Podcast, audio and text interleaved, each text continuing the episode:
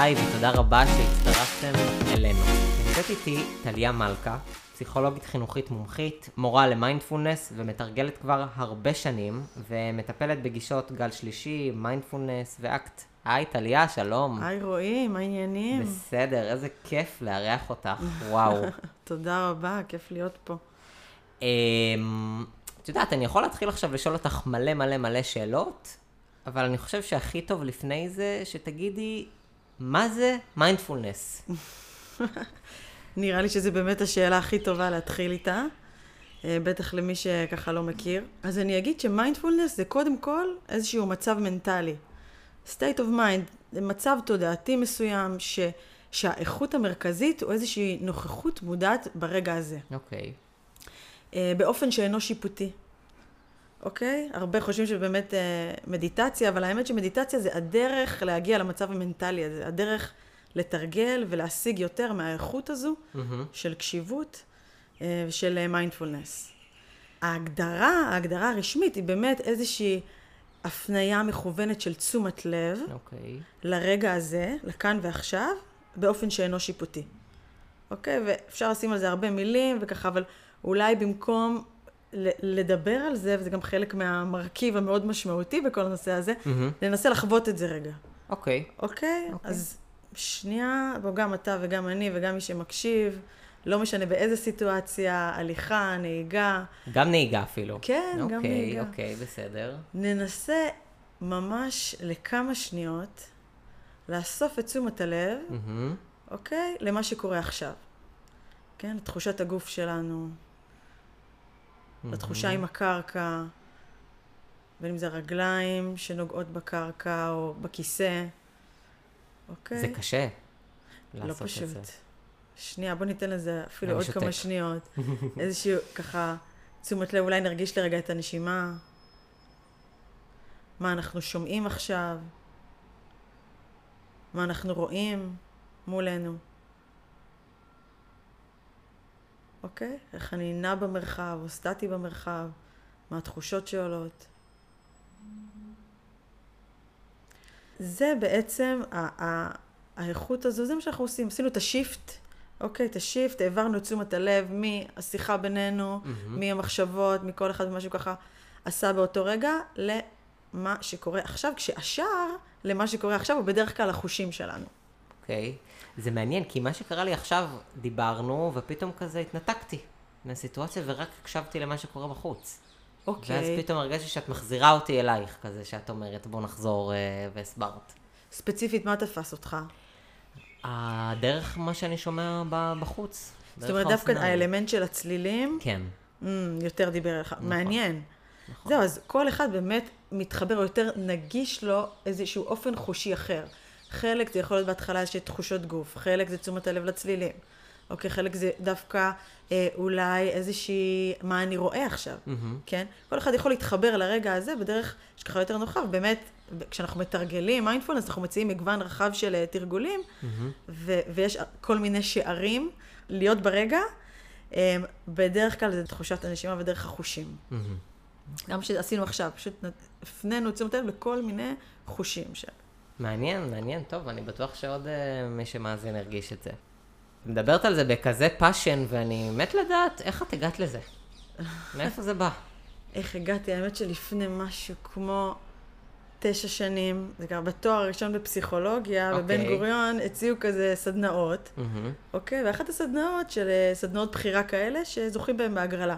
אחת הסדנאות באמת הייתה סדנת מיינדפולנס, שככה מאוד משכה את תשומת הלב, משהו במונחים של אה, להיות ברגע, מאוד דיבר אליי. גם כבן אדם שהחשיב את עצמו אז, אז כמישהו שיודע להיות ברגע, וגם כש, כי רציתי הרבה יותר מזה, לפחות איך שהבנתי את זה אז. אוקיי. אה, ו- כנראה סדנה שווה ממש, אם זה הגרלה. אבל לא זכיתי בהגרלה, די, יואו. ואכזבה רבה איזה אה. הכתה בי. לא יפה. וכן, ורק ב, בתואר השני, מחוץ לאוניברסיטה, נרשמתי לאיזשהו קורס בסיסי, קורס ככה מבוא למיינדפולנס, אה, ו, ו, והכרתי יותר לעומק את הגישה, מהמם. אה, שעם השנים הפכה להיות חלק משמעותי בחיים שלי, ממש ככה גישה לחיים. ואם אולי אפילו אני ארחיב רגע את הפרספקטיבה של מיינדפולנס מ-state of mind או תרגול אה, של מדיטציה כלשהי, באמת לאיזושהי גישה, אוקיי? איך אני פוגש את החיים אה, כל פעם, ברגע הזה, אה, מתוך איזושהי גישה פתוחה ומקבל את זה ככה, אולי משהו שנבין אותו יותר לעומק תוך כדי שיח. מהמם, זה הופך להיות חלק משמעותי מאוד אה, בחיים שלי. וואו, אוקיי. לא, לא יפה, בן גוריון. לא יפה, זה תפס אותי. היום כבר אה, בתוכניות אה, של פסיכולוגיה, אה, כבר בתוכניות טיפוליות אחרות, אני יודעת שזה כבר מוכנס כחלק מהסילבוס, לא צריך Mm. הגרלות, כאילו ככל, עם, עם זה שזה תופס תאוצה עם השנים, כבר אה, נהיה יותר אה, ככה חלק מה, מתוכנית הלימודים כבר. אז לנו זה לא היה חלק מתוכנית הלימודים, זה היה קורס בחירה שבחרתי אותו Mm. אה, בתואר השני שלי. ואני באתי לקורס הזה עם כל מיני ציפיות, אה, ודי ככה התבדיתי, גיליתי שזה לא נכון. אז מה, מה אנשים חושבים על מיינדפולנס שבתכלס זה לא נכון? כאילו, Hmm. מקווה שהשאלה שלי ברורה. כן, מעניין, מעניין עם מה אתה הגעת והתבדית, אבל אני חושבת שזה קורה להרבה אנשים, אתה יודע? אוקיי. שככה גם לפני אה, קורסים, כן, נעשה איזושהי שיחת תיאום ציפיות אישית ככה עם, ה, אה, עם אותו אדם שנרשם, ואפילו איזשהו רעיון קבלה קטן, לראות שזה מתאים. אה, ו... אבל אני חושבת שבאמת הבנה של מה זה הדבר הזה, היא מתהווה תוך כדי היכרות ותוך כדי הקורס. זו שאלה מצוינת. למה? כי אולי זו הזדמנות גם ב... ל... ל... ככה לפרק פה איזשהו משהו, כי אני חושבת שיש הרבה מיסקונספציות בנושא הזה. כשהראשונה שעולה לי זה שמיינדפולנס זה דרך אה, להירגע. אוקיי? אני חושבת- נכון, נכון. מיסקונספציה מאוד הגיונית. אני חושבת שהרבה אנשים באים עם הציפייה הזו של אני אה, אה, אכניס לך את הדבר הזה ואני אהיה יותר רגוע ויותר שלו ויביא יותר נחת. עכשיו, זה, קודם כל, למה זה, למה זה מתהווה? מאוד אפשר להבין, כן? כל התמונה של מי שיושב ברגליים שלובות ומתרגל ככה ונראה מאוד שלו, ואולי אפילו איזה חיוך קטן, זה נראה כאילו שממש זה, זה הדבר וזה המטרה של, ה, של, ה, של התרגול הזה. מהמם. אבל מה קורה בפועל? אתה מגיע לקורס, אומרים לך, שב 20 דקות ותתבונן בנשימה שלך, אוויר נכנס, אוויר יוצא, ומה אתה פוגש? אתה פוגש תודעה סוערת, מיליון מחשבות, פתאום כאב גב, פתאום לא נעים לי, לא נוח לי, פתאום שעמום, מה זה הדבר הזה? פתאום מהמם. איזשהו ריק. והדבר האחרון שאתה פוגש הרבה פעמים זה רוגע. זה נשמע, זה נכון, זה נכון, זה ממש. אז טוב שאנחנו ככה באמת מדברים על זה. עכשיו, אין ספק, אוקיי, שם הקורס הקלאסי והבסיסי ביותר זה MBSR, Mindfulness Based Stress Reduction, הפחתת מתחים וסטרס באמצעות מיינדפולנס. אוקיי. אין ספק שזה משהו שקורה. אז כן נרגעים קצת. סטרס מופחת באופן משמעותי כשאני מצליח לסגל את ההרגל הזה אה, לחיים שלי, אבל אני לא יכול לבוא מתוך ציפייה ומטרה שמהרגע הראשון זה מה שאני אפגוש וזה מה שאני אקבל. כי ההזמנה היא לשהות עם מה שבא, להיות עם הנעים, עם הלא נעים, עם הרצוי, הלא רצוי, ולקבל ככה את כל התחושות ואת כל החוויה הזו המורכבת באופן שהוא ככה לא שיפוטי, שהוא פתוח, להסכים אה, להיות עם מה שאנחנו, מה שעולה. והרבה פעמים זה גם הלא נעים, אולי זה במיוחד אפילו בהתחלה. התודעה שלנו כל כך סוערת, וברגע שאני מתיישבת בשקט ומתבוננת בה, אני פשוט פוגשת את הסערה הזו. זה בלתי נמנע בהתחלה. זה נשמע מאוד מזעזע. כן? כן, לא יודע, אני באה לפגוש תודעה סוערת, לפגוש סערה, לפגוש את עצמי סוער, נשמע... נשמע קשה, נשמע קשוח. לא? נכון, אני מסכימה. אז אני אגיד שקודם כל כשזה נעשה בקורס, במסגרת של קורס, אז יש אה, מרכיב משמעותי של שיתוף, של שיח על הקשיים, חוויה אוניברסלית כזו שאני פוגש עם עוד אנשים של מה זה לפגוש תודעה סוערת ומה זה לשבת לתרגל 20 דקות. ויש משהו שמאוד מנרמל את זה, ואנחנו גם רואים את זה משתנה תוך כדי תנועה. זאת אומרת, בהתחלה המפגש יכול להיות ככה מאוד, אה, ככה, אה, אגרסיבי, אבל בהמשך ועם התרגול אני רואה שזה מביא לי גם הרבה דברים אחרים. עוד תפיסה שגויה שיכולה להיות, זה ככה השערה, אה, שיכול להיות שאנשים רואים במיינדפולנס איזשהו אה, פתרון פלא. כן, לתחלואות של החיים המודרניים, דיכאון וחרדה, ככה, ו- ותרופת פלא זה לא. כדי להצליח להתערם מהדבר הזה, דרושה התמדה, אמ, לסגל לעצמי הרגלים, להצליח להכניס איזשהו משהו חדש לחיים שלי באופן שהוא ככה אה, שגרתי, וזה לא פשוט. זה לא פשוט בכלל. תשמעי, זה נשמע קצת ניו אייג'י מהמזרח, אה, לא קשור, לא יודע, לא רלוונטי, לא, לא קשור, לא למערב, לא אלינו. לא יודע, מה תגידי לבן אדם ציני כמוני? אמ, אז קודם כל אני אגיד, שעם גישה כזו, אבל תני לי באמת, בראש על זה, כן. שהדבר הראשון שאנחנו רוצים, באמת זה איזושהי פתיחות, אוקיי. אוקיי? גם לסגל איזושהי גישה חדשה, וגם להיות עם כל מה שאני פוגש בדרך. אוקיי, אולי זה נשמע קצת מעורפל, בסדר? אבל, כן, ה- מאוד. אבל הגישה עצמה מזמינה איזושהי גישה סקרנית וגישה של זה. זאת אומרת, אם אתה בא בגישה כל כך מתנגדת, יכול להיות שצריך לעשות איזה תהליך לפני שאתה מגיע לאיזשהו קורס. Mm-hmm. אין ספק שיש כל הזמן גישות שמגיעות, מתחדשות והולכות ו- וחולפות. אני חושבת שלא סתם זו גישה שנשארת איתנו הרבה זמן, ורק תופסת תאוצה עם השנים, מתוך אה, איזושהי התאמה אולי בין צורך שעולה בתקופה הזו, לבין מה שהגישה הזו יכולה לתת לו מענה. מה זאת אומרת? מה זאת אומרת? מה, מה את רואה? מה, מה יש בתקופה הזאת? מה הכוונה? אמ, יש הרבה דברים, הרבה דברים, ו- ואני חושבת שלא סתם, שוב, המיינדפולנס קיים אה, עשרות שנים, כן? ג'ון קבצין פיתח את זה ממש לפני כמעט 30 שנה, ויותר אפילו, זאת אומרת, זו גישה שב, שניזונה ממסורת בת 2,500 שנה, מתבססת על המסורת הבודהיסטית, אמ, וככה, אה, הרופא האמריקאי, ג'ון קבצין, שתרגל מדיטציית ויפאסנה, בעצם תרגם את זה, מהמם. אוקיי, את כל הפרקטיקה הזו, למערב. אוקיי, הוא טבע את המונח מיינדפולנס, זה תרגום בכלל של אה, מילה בפאלי, אה, שנקראת סאטי, קשב. אוקיי, והוא עושה איזה טרנספורמציה על זה. בדיוק, בדיוק, עשה איזושהי טרנספורמציה, הוא חושב שזה משהו, שזו פרקטיקה שיכולה להקל עם, על המטופלים שלו, ובנה איזשהו קורס, אוקיי, קורס MBSR, אמ, במטרה לתרגם את זה, והוא די תלש את זה מה, מה, מהמסורת, אוקיי?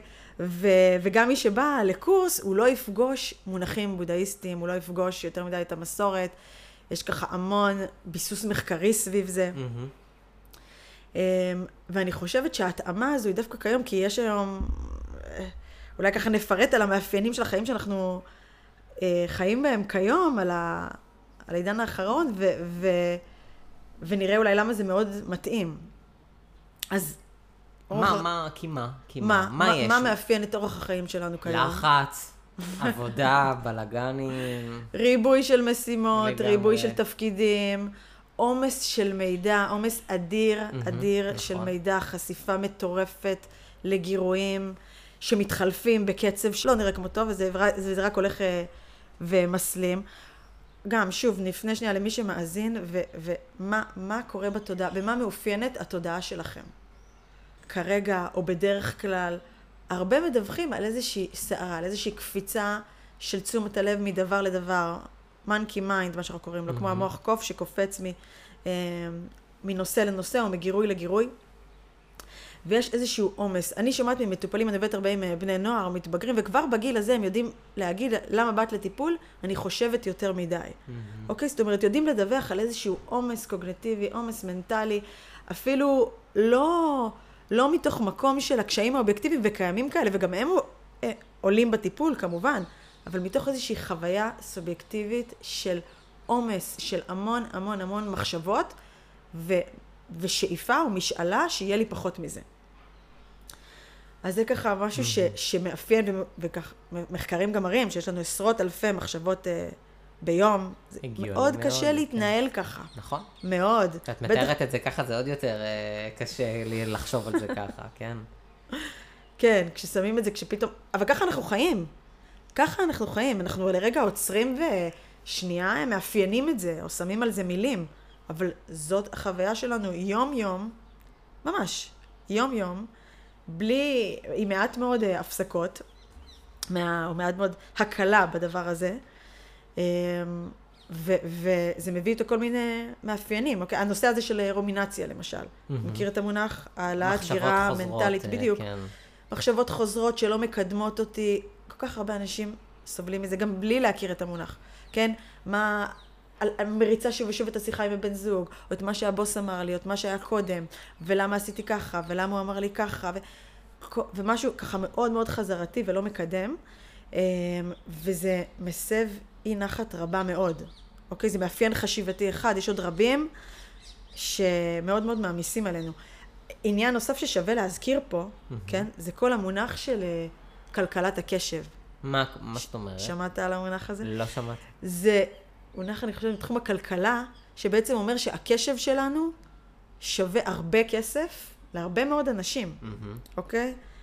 אינסטגרם, פייסבוק, יוטיוב, כולם מעסיקים את מיטב המוחות אה, כדי לפתח אה, אפליקציות, אלגוריתמים, שיקחו לנו את הקשב בצורה הטובה ביותר, היעילה ביותר, שניכנס כמה שיותר לאפליקציות האלה ונשהה בהם כמה שיותר זמן. פרסומות שדוחפים לנו בכל מקום אפשרי, כן? זה משאב יקר, mm-hmm, נכון, אוקיי? נכון. יקר מאוד, וסופו להילקח. אם אני לא אשמור על תשומת הלב שלי, ואדע איפה לשים אותה, ואדע לנתב אותה, ואדע איך לתעדף גירוי אחד על פני אחרים, המשמעות של זה שהיא פשוט תיגזל בברוטליות, בטח עם עידן הסמארטפונים, אה, שככה כל כך נגיש לקחת לי את תשומת הלב. ממש. ממש בכף היד. ממש. אה, אז באמת יש פה כמה מאפיינים, במיוחד של העשור אה, האחרון אפילו, שתופס תאוצה. כן. שמיינדפולנס בעצם יכול לתת מענה לחלק מהדברים שתיארנו כאן. אני נחשפתי למיינדפולנס, ואני גיליתי שזה לא רק עובד טוב, זה עובד מאוד מאוד טוב. אה, מאוד טוב באופן מאוד מפתיע אה, וחריג. למה זה עובד כל כך טוב? למה? איך זה נראה במוח שזה ככה עובד כל כך טוב? אמ, קודם כל, וואו. מה עשו לי שם, טליה? מה שאתה מתאר זה חוויה אה, מדהימה. כן, יש אנשים באמת שככה מתחברים מאוד מהר ומרגישים את האפקט של זה. אני כבר רוצה לסייג ולהגיד שזה ממש לא ככה, ככה לאנשים שהתחילו וניסו וזה לא תפס להם טוב כמו שזה תפס לך, הרבה פעמים לוקח זמן, כן? Mm-hmm.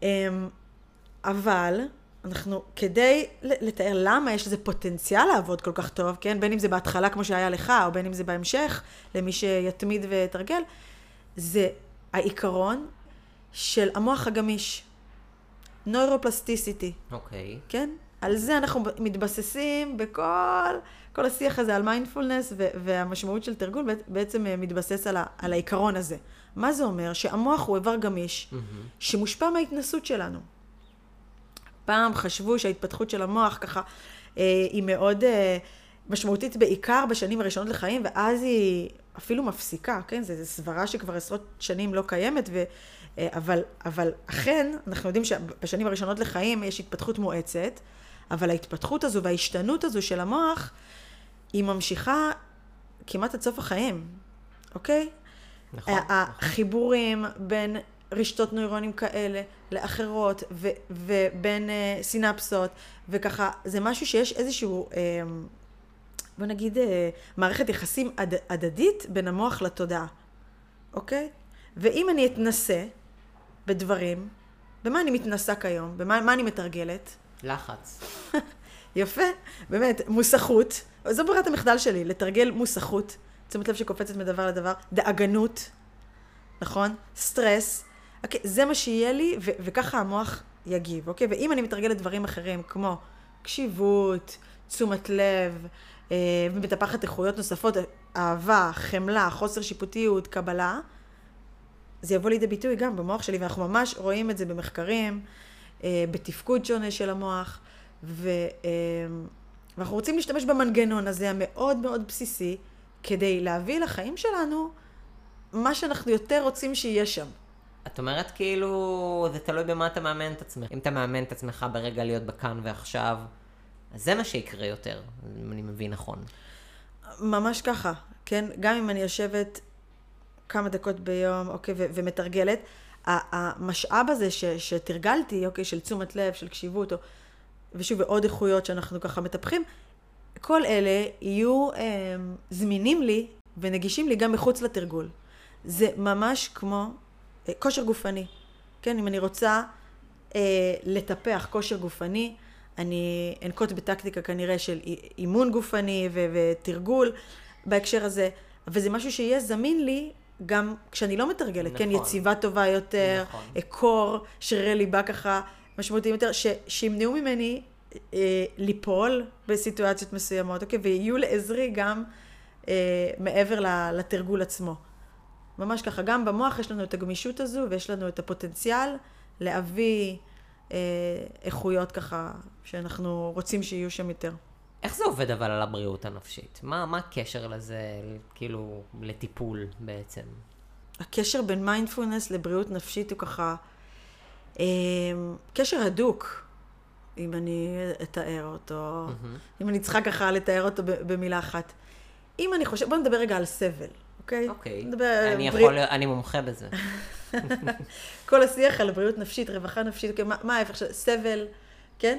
אז חייב קצת לדבר, ממה, ממה בעצם נגרב רוב הסבל האנושי כיום? מה, מה הדבר ש, ש... כאילו, יש לי איזו טענה שאני רוצה לטעון אותה, שרוב הסבל האנושי כיום נגרם מהמחשבות שלנו, אוקיי? זו אמירה מאוד, אה, וואו, וואו, וואו, תפרקי לנו אותה קצת. לחלוטין, ואני כבר רוצה להסתייג ולהגיד שהמשמעות היא לא שלא קיים סבל, יש הרבה סבל ממשי בעולם, וכאב, ואתגרים, ואובדן, ו- והתמודדויות ממשיות, אוקיי? שמאוד מאוד מעיבות עלינו. אבל על כל הדבר הזה, מהמם. אנחנו מוסיפים הרבה מאוד סבל בצורה של מחשבות. אוקיי? מה זה אומר? קרה לי משהו, אוקיי? אפילו נלך על סבל קטן, בסדר? איזשהו אוקיי. כאב, חליתי. כאב לי הראש השבוע וביטלתי את כל הפגישות והטיפולים שהיו לי, אוקיי?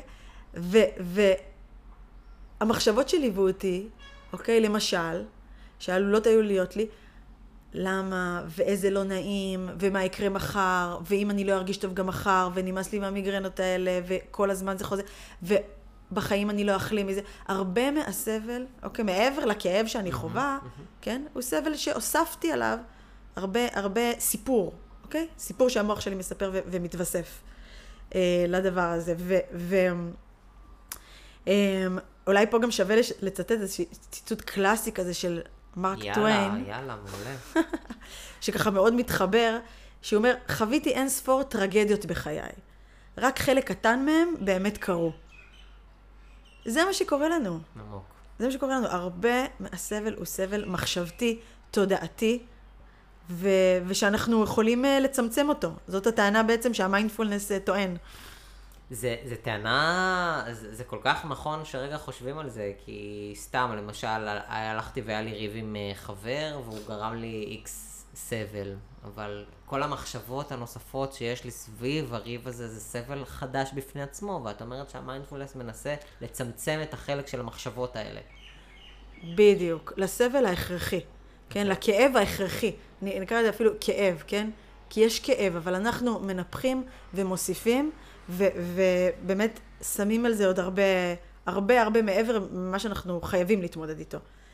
בהקשר הזה של רווחה נפשית, מאוד שווה להתייחס גם לאיזשהו מחקר שאני מאוד אוהבת, שנערך ב-2010 באוניברסיטת הרווארד על ידי שני חוקרים, אחד מהם אה, דניאל גיר, גילברט, חוקר עושר אה, מפורסם, שיש לו גם כמה ספרים והרצאה מפורסמת בטד, שווה לבדוק, אבל המחקר התפרסם תחת הכותרת A wandering mind is an unhappy mind. אוקיי. אמ, מה זה אומר?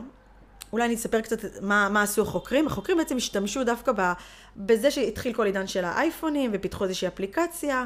בעזרת האפליקציה הזו שלחו אה, הודעות עם שלוש שאלות כמה פעמים ביום. אוקיי. ככה בצורה אקראית. ומה היו שלוש השאלות האלה? אחד, מה אתה עושה עכשיו? שתיים, על מה אתה חושב עכשיו? האם על הדבר שאתה עושה או על דבר אחר, נעים או לא נעים? והשאלה השלישית, עד כמה אתה מאושר, עד כמה טוב לך, עד כמה נעים לך. אוקיי? והחוקרים אוקיי. האלה מצאו כמה ממצאים אה, מרתקים בעיניי. מהמם. אוקיי? אחד, ש-47% מהזמן אנחנו לא פה.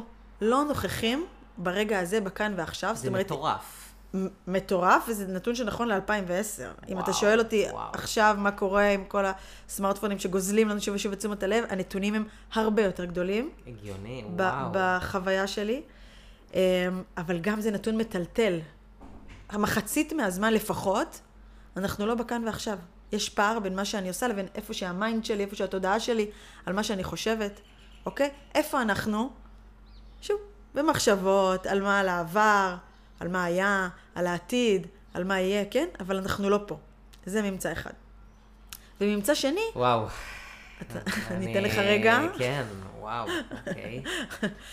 אה, וממצא שני זה שכשיש את ההלימה הזו בין מה שאני עושה עכשיו לבין מה שאני חושב עכשיו, אנחנו יותר מאושרים, יותר טוב לנו, אוקיי? יותר נינוחים, וזה אומר גם אם מה שאני עושה עכשיו הוא פחות נעים.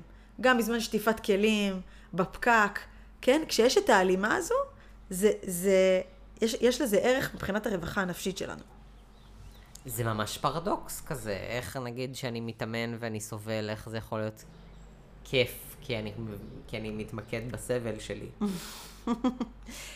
נכון, זה עניין נוסף שאנחנו, שצריך להעמיק בו, שהתודעה לא אוהבת להיות איפה שקשה לה ולא נעים לה, היא נוטה לברוח, יש לזה הרבה השלכות, גם על הרווחה הנפשית, כן? אבל מה שקורה באמת זה כשאני כאן, אוקיי, בתשומת לב אסופה, אוקיי, למה שקורה, לחוויה שלי כרגע, לפעולה שלי כרגע, אנחנו באמת מצליחים אה, להיות יותר נינוחים. שוב, בגלל, זה מתחבר גם לרעיון הקודם שהבאנו, שהנדידה הזו עושה לנו הרבה מאוד, מביאה לנו הרבה מאוד סבל. אם אתה עכשיו מתאמן ואתה סובל ואתה נודד למחוזות של עבר, עתיד, מה יהיה, מה ישתבש, דאגות, כי זה הרבה פעמים, אני לא חושב, הרבה, אני לא הולך אה, לאיזשהן פנטזיות נעימות על עצמי באיזשהו, ב- בחופשה טרופית. הרבה פעמים זה הולך דווקא לתכנים שליליים. אמ, והמסר פה, אני חושבת, זה שאם אני מחברת שנייה לנושא של מיינדפולנס, את המחקר, שאושר זה לא משהו שנוחת עלינו, זה משהו שניתן לטפח על ידי תרגול. אני יכולה להיות יותר כאן, אני יכולה לייצר יותר הלימה בין מה שאני עושה לבין אה, איפה שה-mind שלי והתודעה שלי נמצאת. וזה ככה, אני חושבת, מסר אופטימי דווקא. אופטימי, אבל הכנסת לי וואחד פסימיות עכשיו. למה? אני אגיד לך. את אומרת את המילה תרגול, ופעם אחרונה שתרגלתי משהו זה היה סטטיסטיקה, וזה היה פשוט סבל טהור. אז אה, למה צריך לתרגל? לתרגל? אה, אני לא אוהב את זה. אמ, כן, אני מבינה מה אתה אומר. אני מבינה מה אתה אומר. יכול להיות שהמילה אימון תהיה לך יותר אה, נעימה או יותר קלה לעיכול. קומסי קומסה. אבל הרעיון הוא באמת שהתמדה במשהו, אם אני משתמשת ברעיון הזה באמת של המוח הגמיש ואני רוצה לסגל משהו, אז הפתרון הוא באמת להביא יותר מזה, לסגל לעצמי הרגלים שהם אחרים. ואני אגיד אולי משהו גם מאוד מעודד בהקשר הזה שלא חייב לשבת ולתרגל. זה באמת, אני, אני שנייה אתחבר למה שאתה אומר, משהו שמעורר התנגדות. יש המון דרכים לתרגל מדיטציה, כן? שחלקן הן גם על הדרך, תוך כדי שתיית קפה או צחצוח שיניים. אוקיי, אני יכולה ממש בקטנה, את אומרת. בכל דבר קטן אפשר. בכל דבר קטן. בכל דבר קטן, ו- וזאת ה... זה הרעיון בסופו של דבר. אני לא רוצה להיות uh, מסוגלת לעשות את זה רק על הכרית, אוקיי? או רק בסריקת גוף. אני רוצה לתרגם את זה לפעולות היומיומיות שלי, הנעימות, או הניטרליות, או גם הפחות נעימות, ולהביא את זה ככה גם לשגרת היומיום שלי. כן, אם אני עושה פעולה שהיא עם תשומת לב אסופה, ותשומת לב לחושים, ומה קורה לי עכשיו, ומה התחושה הרגע של, של כוס הקפה שאני שותה, ומה הריח, ומה אני שומעת, ומה, ומה אה, מתעורר בי עכשיו, כן, ומה המחשבות והתחושות והרגשות. אז זה ממש אה, משהו ש... שיכול להיות גם מאוד נעים, מאוד מאוד נעים. כן, הרבה, אם אני מסתכלת על הפער, אז יש הרבה אנשים מדווחים על חוויה שהם אפילו באיזושהי חופשה, משהו, טיול שהם מאוד חיכו לו, איזושהי חופשה, אבל משהו הוא לא, הם, גם חוויה מאוד נעימה לפעמים מתפספסת, כי אנחנו לא בדיוק שם. אוקיי, אני, אם אני מסוגלת יותר להיות שם, גם ברגעים הנעימים, לא חייב, בוא נגיד, רק לתרגל בצורה ככה שהיא נוקשה ו... וואלה. כן, זאת אומרת, ממש אפשר בכל פינה, כל רגע, כל הזמן. נכון. אוקיי, וואו. אני רוצה להתקדם ככה, ולפי מה שאת אומרת, אני מבין שזה יכול לעזור, תרגול מיינדפולנס, למשל לאנשים שיש להם אה, תופעות נפשיות, נקרא לזה ככה, שחרדה, אה, אובססיה, אה, דיכאון. אז למה זה טוב ולמה זה לא טוב? אתה כבר שמת פה, זרקת הרבה הבחנות. כן, נכון, אני אוקיי. טוב, זה אנחנו טובים. כן, שני פסיכולוגים. אה, אבל אני רוצה לצאת רגע מ- מ- מהמונחים של הבחנות, למרות שאתה מאוד מאוד צודק, כן? כל התופעות האלה של חרדה, של דיכאון, מיינדפולנס, הוכח מחקרית כמסייע, כן? התערבויות ספציפיות, למשל. MBCT, mindfulness based cognitive therapy. אם אנחנו, אם אנחנו נצא מזה, זה יכול להועיל אה, כמעט לכל אדם, כן? כל אדם שמצליח לסגל את זה ולטפח את הדברים האלה באופן, אה, אה, ולהכניס את זה לשגרה שלו. אז קודם כל הייתי רוצה להתייחס לזה שכל אדם יכול להרוויח, לשפר את הרווחה הנפשית שלו, את האושר שלו, אה, על ידי אה, תרגול ואימון. ובטח שגם אה, פתולוגיות מסוימות, או ככה, אה, כל התחומים האלה שמאופיינים באמת בחשיבת יתר, רומינציה, נטייה לסטרס, כאב כרוני, מהמם. הפרעות אכילה, הימנויות מגוונות, כן? הימנויות, הגישה של, גם של אקט, היא, אני חושבת שהיא מדהימה בהתמודדות עם אה, הימנויות, שהרבה פעמים נובע מאיזושהי חוסר רצון, רצון לפגוש אי נחת, כאב מסוים. אז זה יכול מאוד מאוד להועיל. מתי לא? אולי באמת במצבים שבהם התודעה ככה היא לא מהימנה, מצבים של הלוצינציות, דלוזיות, מהמם. מצבים שמאפיינים אולי סכיזופרניה. זה דבר יותר, כן, כן. רציני. מהמם. כן. וגם, אם אני חוזרת רגע ל... ל אמ, ככה, לכל אדם, הייתי רוצה לאמן את הדברים האלה דווקא במצבים של שגרה. לא בזמן איזשהו משבר אקוטי, לא בזמן איזושהי, איזושהי אפילו אפיזודה משמעותית, אלא דווקא כשיש לי כוחות, שיש לי איזושהי רווחה להכניס משהו חדש, ללמוד משהו חדש, שאני יכולה להביא איזושהי גישה סקרנית ופניות. ל- לסגל דבר חדש לחיים שלי, אז הייתי רוצה דווקא במצבים כאלה של אה, שגרה יחסית, להתחיל, אה, להתחיל ולפגוש את, ו- את המיינדפולנס, ולא כאיזושהי תרופה או פלסטר שאני שמה על, על אה, משהו אה, אקוטי שכרגע מתקיים וכרגע אני מתמודד איתו. נכון, צודקת, כאילו, זה משהו שצריך לתרגל, ודרך תרגול צריך גם פניות אה, לדבר כזה, ואני נורא מסכים איתך. נורא מסכים, אבל אני, אני לוקח אותך, פסיכולוגית, שבטוח התחנכת על דינמי.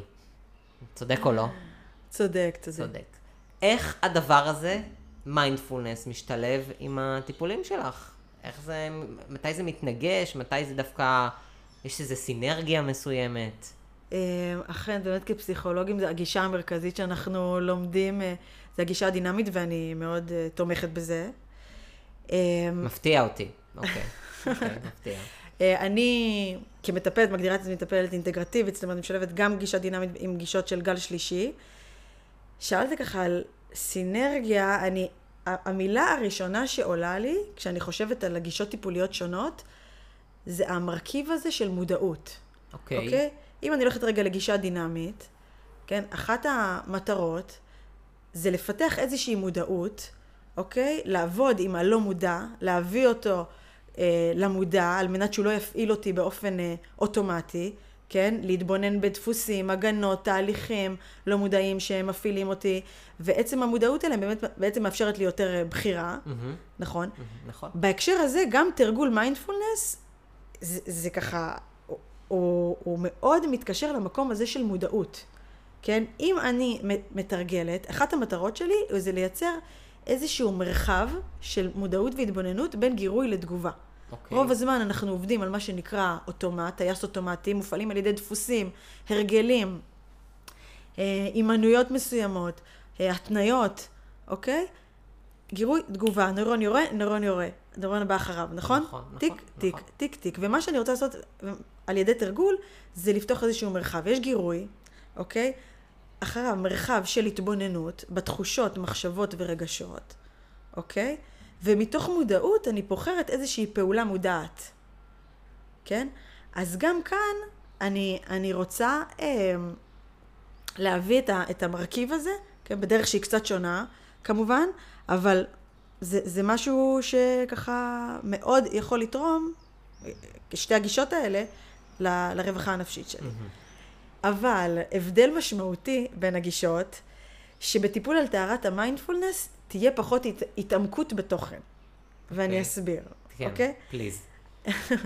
אני רוצה ללמד את המטופל שלי, אם אני עכשיו כרגע מטפלת בגישה, בגישה כזו, של הגל השלישי, אה, לשנות את מערכת היחסים שלו עם המחשבות שלו. Mm-hmm. דיברנו על זה שהרבה מהסבל נגרם אה, באמת ממחשבות, ואנחנו נותנים יותר מדי מקום לסיפורים שהמוח שלנו מספר. אוקיי, אני מסתכלת רגע על המוח, שנייה, אני עושה זום אאוט. המוח התפתח אה, עם האבולוציה, כן, כשהמטרה שלו לשמור על ההישרדות שלנו. המוח עובד כמכונת ניבויים. Mm-hmm. הוא לוקח את כל המידע, כל מה שעברנו, כל מה שהיה, ושואל אה, את עצמו, מה יהיה? ממה אני צריך להיזהר, מה יכול להשתבש. אוקיי, ולכן הרבה מהתוכן המחשבתי הזה שהוא מייצר הוא תוכן שלילי. כן, מתוך מקום של זהירות. המוח לא מוכוון לאושר ורווחה, ממש לא.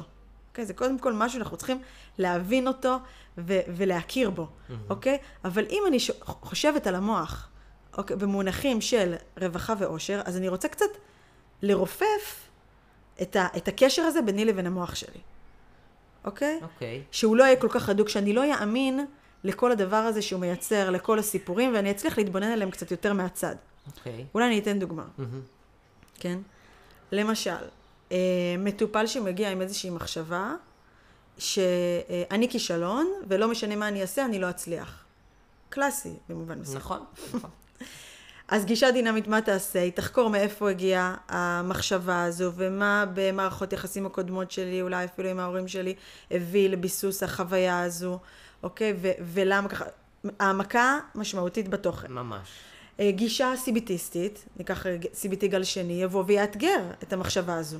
כן, המחשבה של אני כישלון, יכול להיות שיש אה, לך רעיון מתי לא, לא חווית את עצמך ככישלון, מתי כן חווית הצלחה, זאת אומרת, יהיה פה איזשהו ניסיון אה, לאתגר את, ה, את התפיסה הזו לגבי עצמי, אבל מה הבעיה?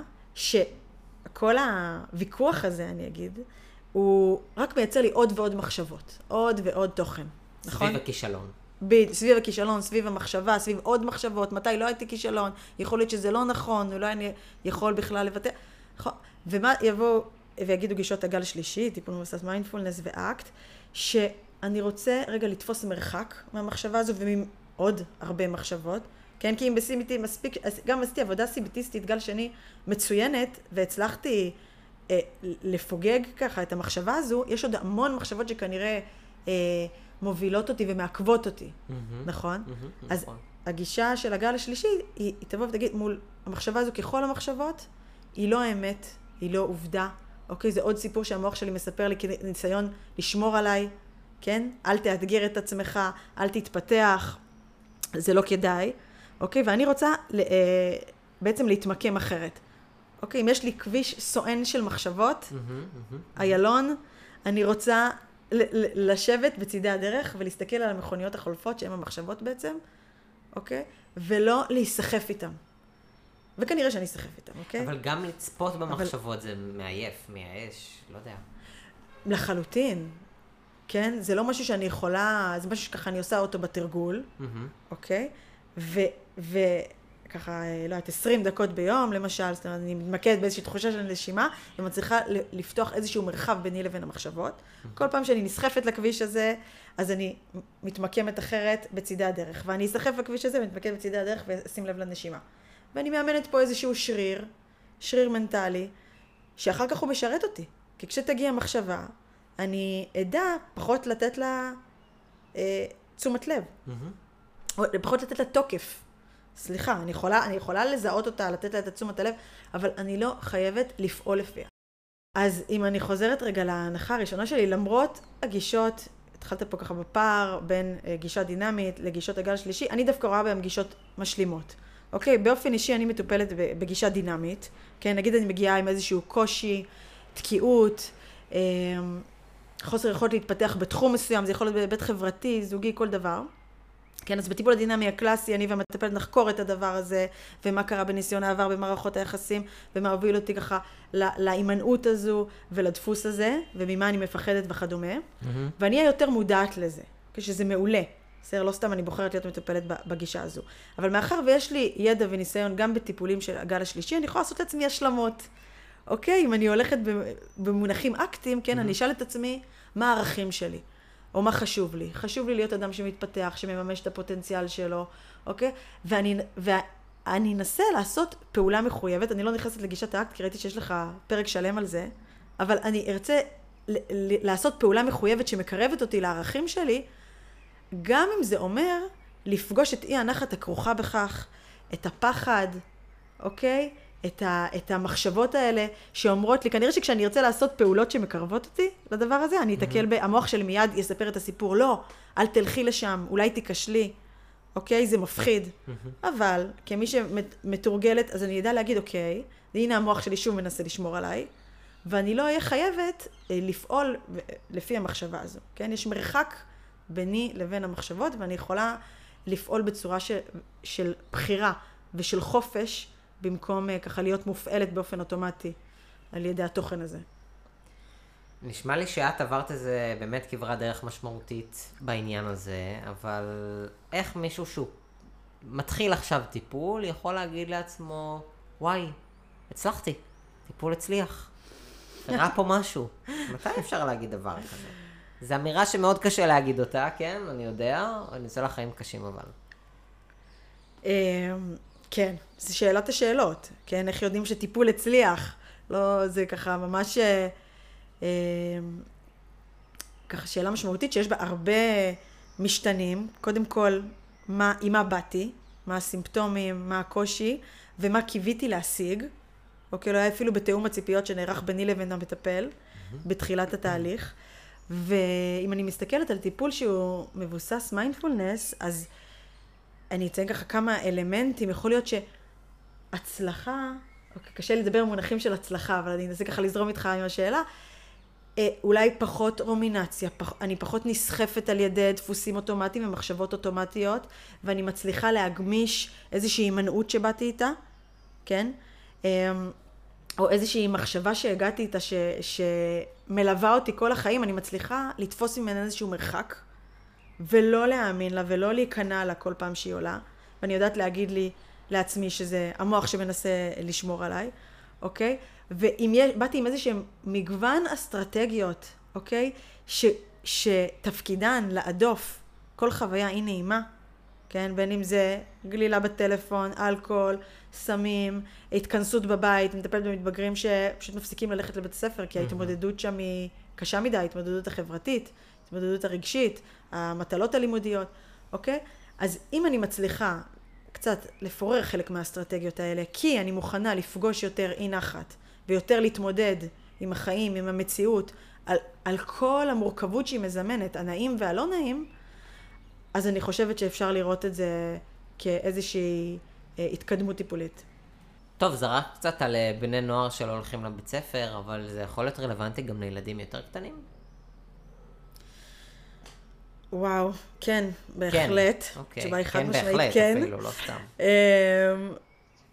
אני, וזה ככה תחום שהולך וגובר, התחום הזה של שילוב מיינדפולנס גם במסגרות חינוכיות, ואפילו מגיל 3, 4, 5 בגנים. אני חושבת, רגע, אם אני עושה זום אאוט, אני חושבת שזה חלק מאיזושהי תפיסה רחבה יותר, תפיסה חינוכית, שהמטרה של מערכת החינוך, או לפחות מה שהיינו רוצים שיהיה, mm-hmm.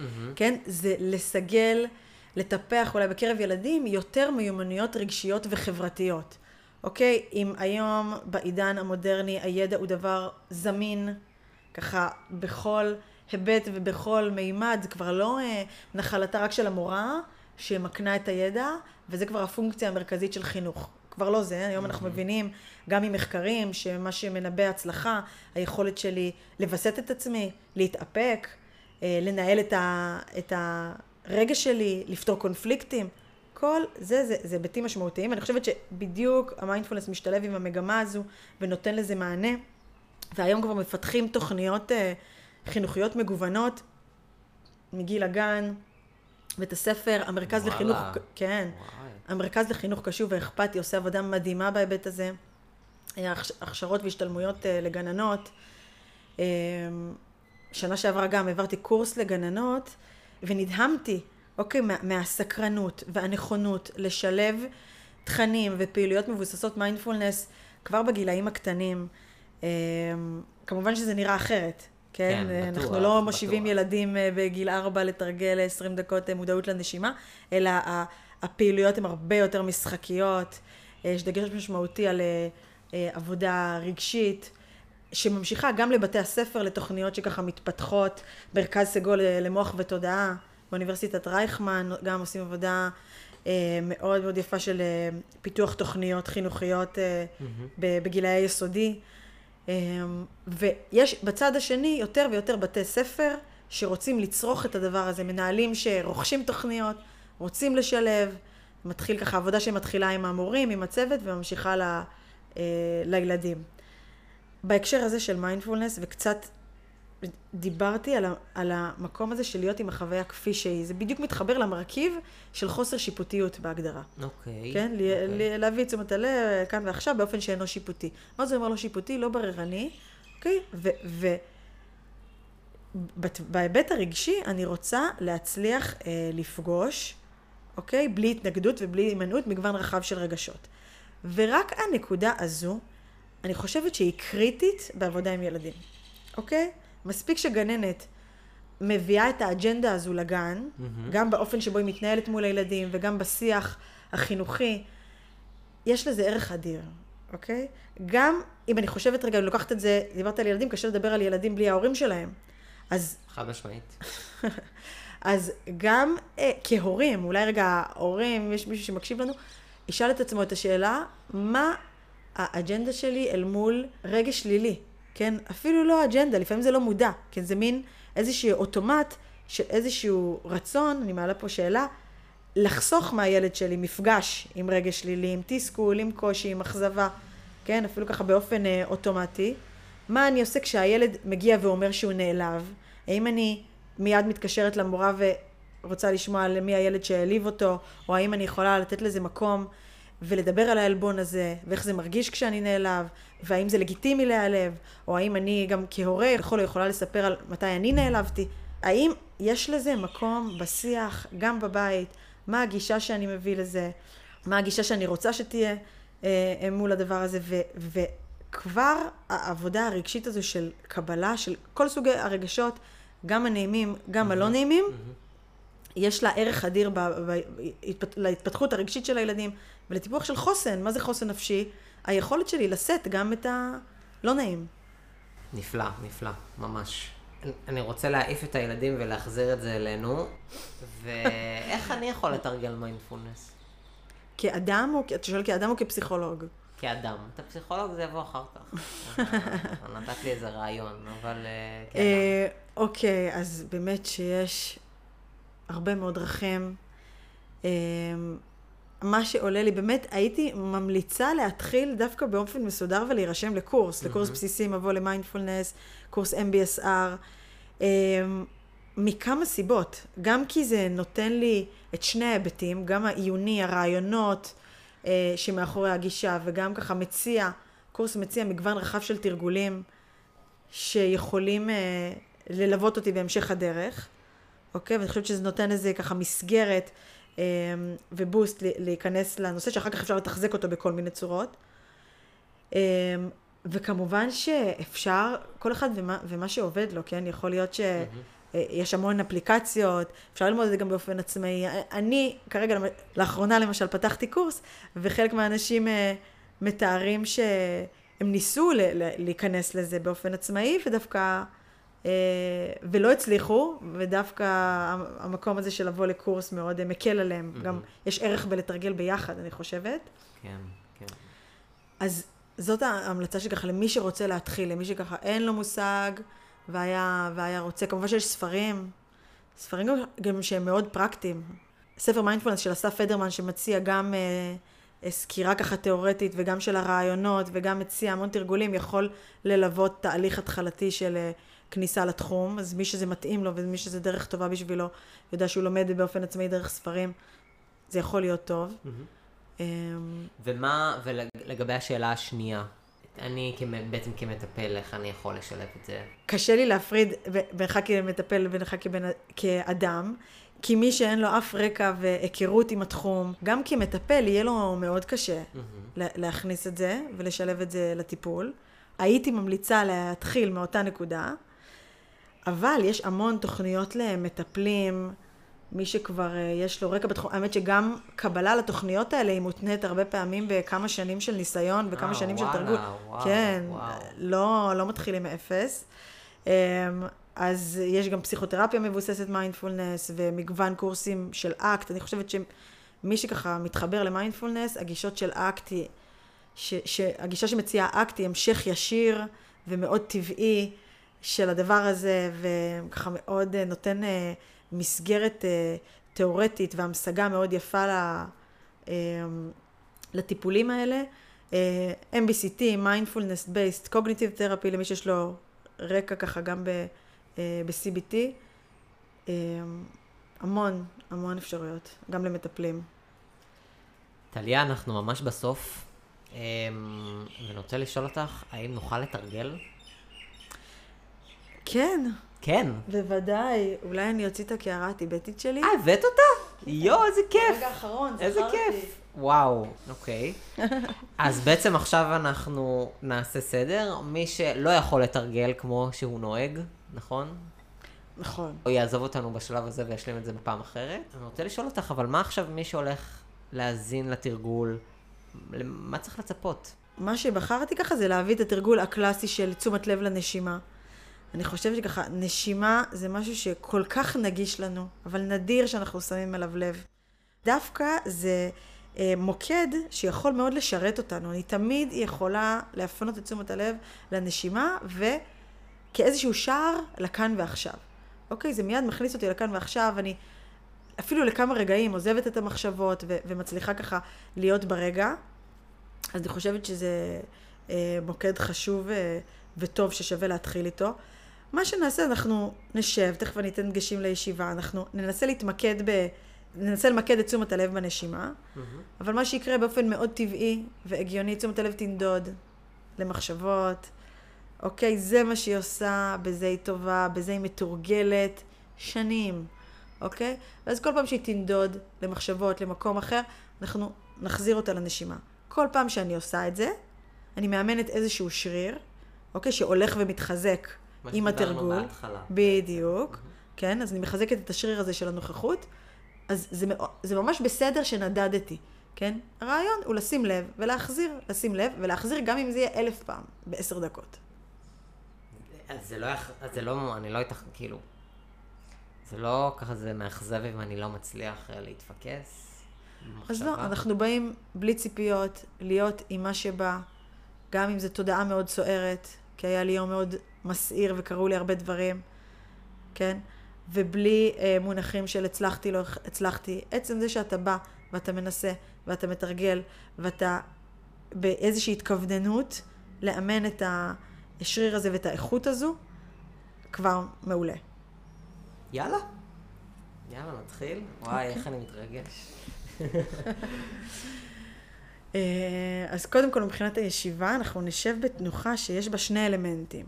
אוקיי? גם נוחות, אני רוצה שיהיה לי נוח, אבל גם איזושהי נוכחות, איזושהי זקיפות מסוימת, לא מדובר בהרפייה, אנחנו באים לעבוד, אני רוצה ערנות במידה הנכונה, איזשהו מאמץ נכון שאני מביאה לתרגול.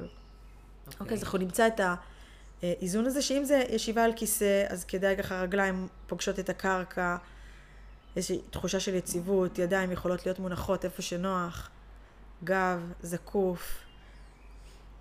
ההזמנה היא כן לעצום עיניים, כדי להפחית ככה גירויים מבחוץ, אבל מי שזה לא מסתדר לו, מרגיש כמו איזשהו מאבק, אפשר להשאיר את העיניים פקוחות, להסתכל על איזושהי נקודה אה, ברצפה, לא רחוקה מדי. אה, מה שמרגיש לכם נוח.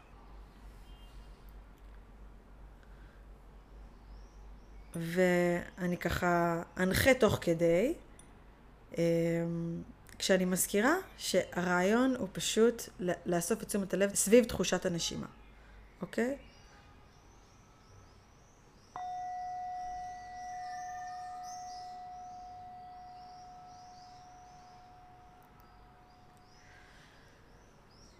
אז אנחנו נתחיל בתרגול קצר של מדיטציית מיינדפולנס עם תשומת לב לנשימה.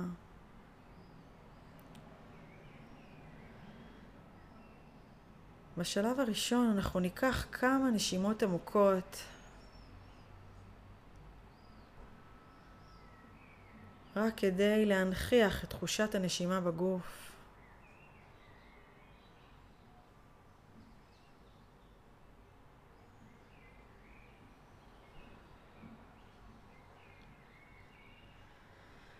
ולאחר מכן אנחנו נחזור לנשימה הטבעית, הרגילה שלנו, היומיומית. ורק נתבונן בה. ממש נאסוף את תשומת הלב מכל המקומות שהיא הייתה בהם קודם לכן. ונמקד אותה סביב תחושת הנשימה.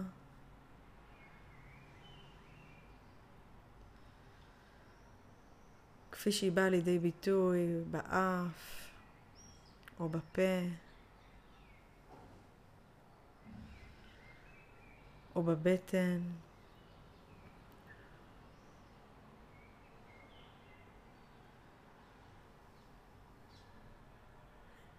אם לרגע נתמקד באף, אז איך זה מרגיש כשהאוויר נכנס דרך האף וכשהוא יוצא.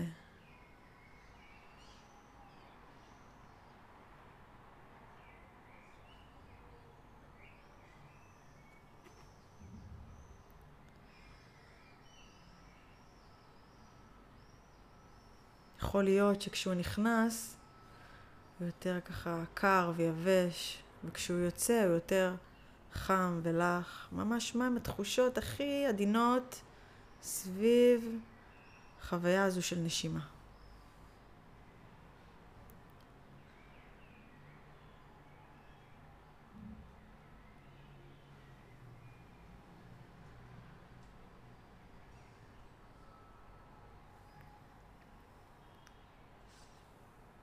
ואם נעבור ונתמקד בתחושות סביב הפה, איך זה מרגיש כשהאוויר פוגש את השפתיים,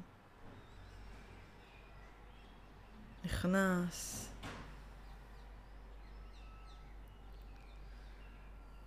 ואיך זה מרגיש כשהוא יוצא.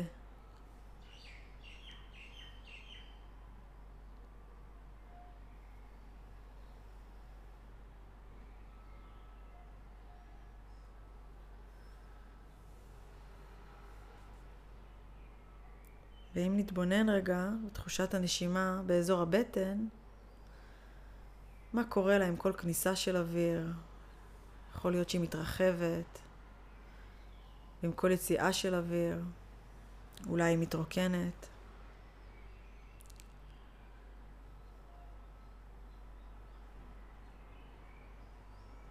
ואנחנו נבחר את אחד המוקדים שבו אנחנו מרגישים את תחושת הנשימה באופן הנוח ביותר והברור ביותר. מה שככה הכי מתאים לנו עכשיו, רק לכמה דקות.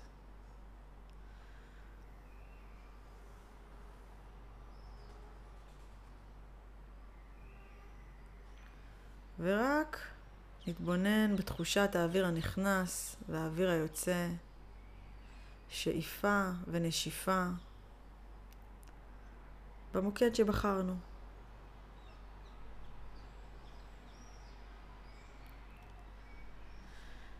ועם תשומת הלב נדדה למקום אחר, לזמן אחר, למחשבות, רק נשים לב לזה ונחזיר את תשומת הלב לאותו מוקד.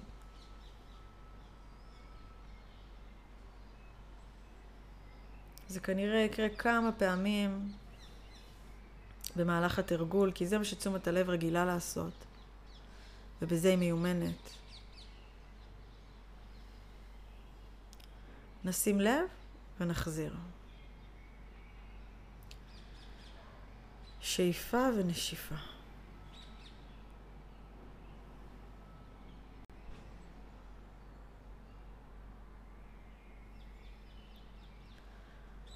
איך זה מרגיש?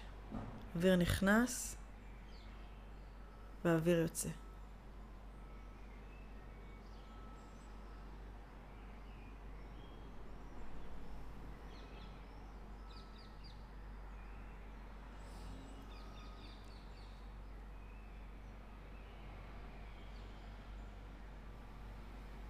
תשומת הלב נודדת ואנחנו מחזירים אותה בעדינות, בלי שיפוטיות. אוספים אותה בחזרה למוקד שבחרנו.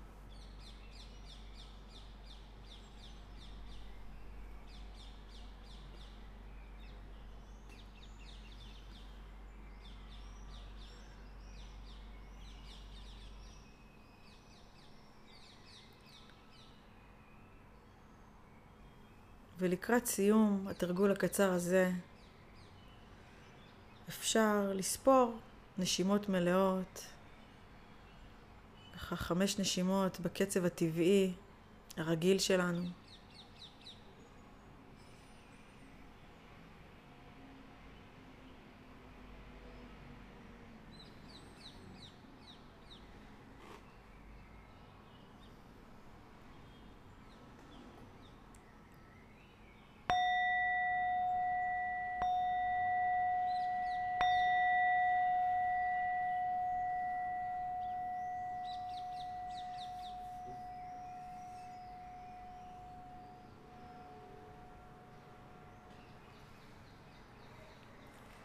וואו, איזה באסה שזה נגמר, דבר ראשון. דבר שני, אני פשוט במוד אחר לפני שנכנסתי לתרגול ועכשיו.